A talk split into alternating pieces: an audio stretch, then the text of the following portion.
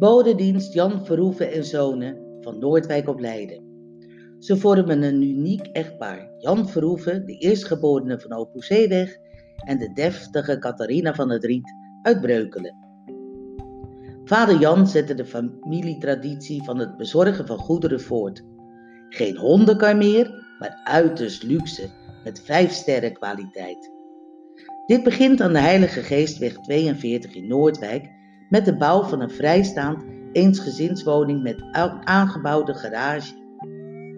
Nu is de in zonnig geel baksteen opgetrokken woning nog altijd te bewonderen, maar niet langer in bezit van de familie. De vrachtwagen was een uiterst solide Chevrolet truck, voorzien van een platte laadbak voor vracht en vervoer. Snelheid, comfort en economie, roemt General Motors Continental haar stokpaardje. In de advertentie zien we staan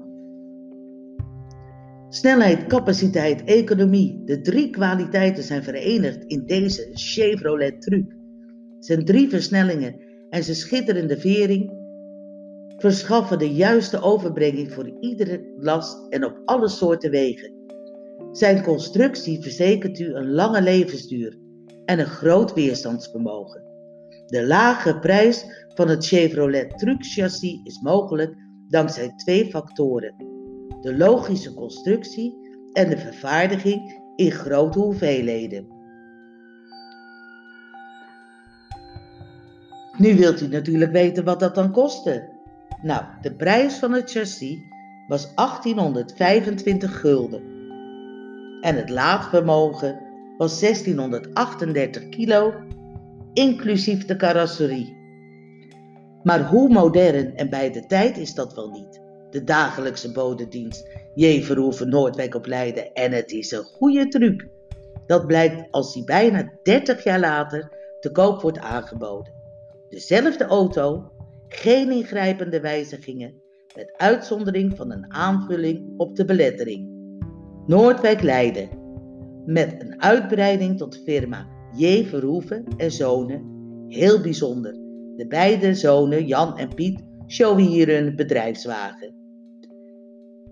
De advertentie op 12 juni 1953 is te lezen Chevrolet truc. Platte bak, dubbele lucht, bode, Jeverhoeven, te Noordwijk. En die foto's kunt u zien in de blog. Waar nu de nieuwe woonwijk Boekhorst is gevestigd, had ome Jans een volkstuin. En als het werk gedaan was, dan mocht er, was het een feest als de kleintjes met Maxi voor in de cabine Maxi is een Mechelse herder, met hem mee mochten voor een afsluitend ritje. Of te voet, over de Goweg, richting de volkstuin, veldbloemen of bramen zoekend. Prachtige herinneringen.